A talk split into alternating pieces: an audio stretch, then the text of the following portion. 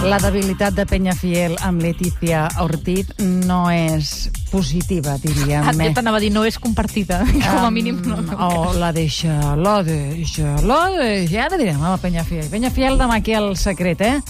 Eh, uh, Pérez Pagès, la teva fauna. La, Què? la fauna, mireu, la, recordeu que la setmana passada parlàvem eh, del Mobile World Congress, que va deixar, a part de xifres milionàries i mil i una presentacions dels CEOs, recordem que els CEOs, CEO, ho haureu vist escrit últimament molt, són els directors dels responsables màxims, diguéssim, de, de les empreses, però que ens va deixar allò, quatre dades per començar. Va. Els premis, per exemple, el millor telèfon del 2010 va ser per l'iPhone 4, mira que van començar amb el peu, que si les antenes que les tapaves amb el dit, bé, doncs l'iPhone 4 considerat el millor fabricant, no, no, perdona, el millor telèfon que no el millor fabricant, perquè el millor fabricant del 2010 va ser HTC, una marca asiàtica que treballa molt amb Android, de Google, i la millor aplicació és com el fenomen del món de les aplicacions aquest 2010, que és l'Angry Birds, un joc així molt bàsic, Angry Birds? Són, Angry són Birds, ocells enfadats? Ocells enfadats, Ahà. un joc bàsic, i fins i tot diria tonto, és a dir, eh, eh,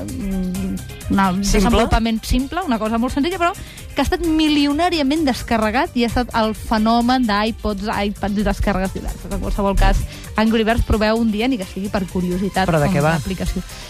Uns ocells són els protagonistes, no diré res més. Vull dir, amb, amb, amb tasques molt simples. Escolta'm, aquí es venen a revelar secrets. Clar, Mira, doncs, voleu que que- us reveli que- una que cosa sí. que no és un secret? És que a mi em dius Però això, no jo veig, un jo secret, veig res. Hitchcock No, ja no. directament, Què? saps? No, home, no, no, Ah. no, no, tan hitchconiana no està la cosa, però molt amigables no són tampoc els ocells Mhm, Birds. d'acord. Per això són angry, Angry. bàsicament. Angry. Una cosa que no és un secret, molta gent s'ho ha pres a, a broma, però a mi m'agradaria reivindicar-ho, no el que han fet els pares, sinó el motiu pel qual ho han fet, que és, atenció, li han posat a la seva filla de nom Facebook. Sí.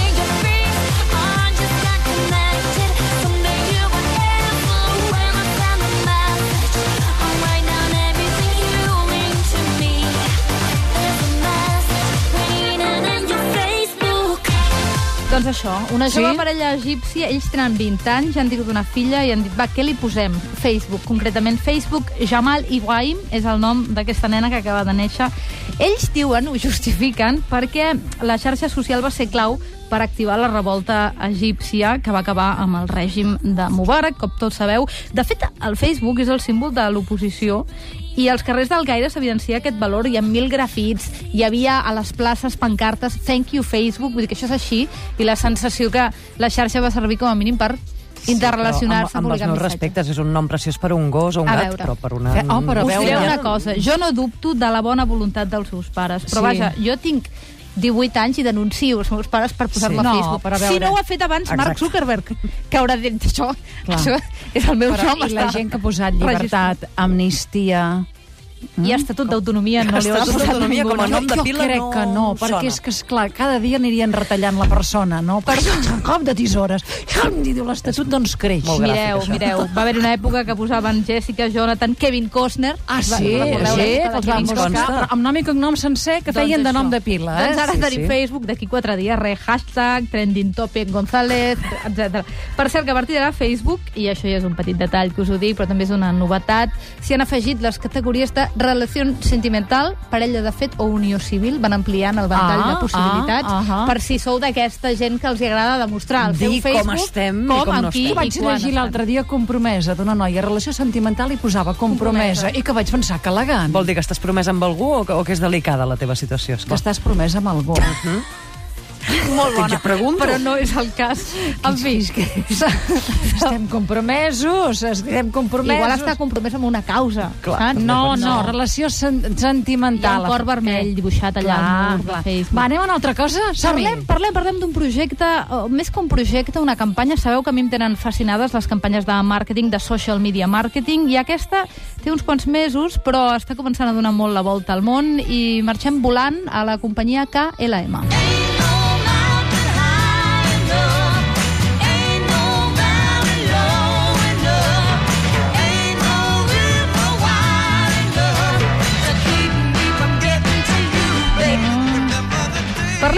campanya, la campanya en qüestió es deia KLM Surprise, KLM Sorpresa, per entendre'ns, i hi havia, òbviament, de fons una gran estratègia, però una tàctica molt senzilla. Bàsicament, eh, van eh, intentar seguir no ho van intentar, ho van aconseguir, a través de Foursquare, per exemple, la geolocalització que diu on ets en un moment determinat, quan fas el check-in, o a través dels missatges que la gent penjava al Facebook o al Twitter, perquè tu pots fer un seguiment de la gent que en els seus missatges menciona X paraula, digue-li mm. KLM o digue-li aeroport de Schiphol, que en aquest cas és on va tenir lloc l'experiment barra sorpresa. La qüestió és que tota la gent que havia entrat, per exemple, dient, no sé, poso el cas, ara mateix la Sílvia està esperant i diu, estic esperant per embarcar a l'aeroport de Schiphol. Ja. I ells ho veuen, i llavors tota aquella gent, clar, sobretot si firmaves amb noms i cognoms i podien després contrastar la informació a les llistes de vol, Sí? feien sorpreses personalitzades. Oh, que maco. Llavors deien, o sigui, agafaven el nom, deien, mira, mm, Sílvia Coppolo, Anna Ayala, agafa el vol que va ara mateix cap a Berlín, Mhm. el de les 11.25. Miraven el teu perfil de Facebook o els teus comentaris de Twitter i deien, a aquesta persona li agrada l'esport i se'n va a 5 dies, doncs li regalem unes bambes. I es presentaven a la porta d'embarcament Mhm. regalant-li les bambes perquè fes esport Molt a la bé, ciutat eh? de Berlín. La campanya va ser un èxit increïble. Us deixo el vídeo, està en anglès, però bàsicament... el tenim en els enllaços? el- El, ah, sí, sí. Calem Surprise, heu d'anar a cataradio.cat barra directe a mirar. I realment eh, dona molt bona idea perquè, clar, la gràcia és que tot això ho van enregistrar i van fer com el seguiment d'uns quants dies.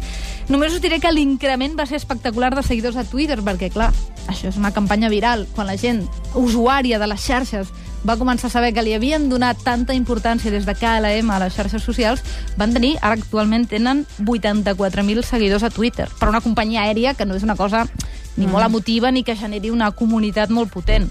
Per contrast, us diré que Iberia en té 18.000. 18.000. I em sembla molt. I no et regala, però no et regala bambes. I no et regala bambes ni et venen a buscar... Clar, imagineu-vos que algú, quan estàs a punt d'embarcar, amb un cartell et diuen senyorita Yala, senyorita Coppola, tenim un regal per vostè. Ella et munta una festa, et posa una cançó amb el vídeo... Home, És una campanya molt ben pensada gran i és una campanya feinada. in? Era, era un viatge amb discreció, com si diguéssim. Que intentaves que no et Voli- veies Volíem passar desapercebuts i Això sí, si anaves allò d'amagatotis amb qui no havies d'anar, mm, no, no, no, no. et feia gaire gràcia la KLM Surprise. Tens allà el rètol i dius, per favor, fins aquí no.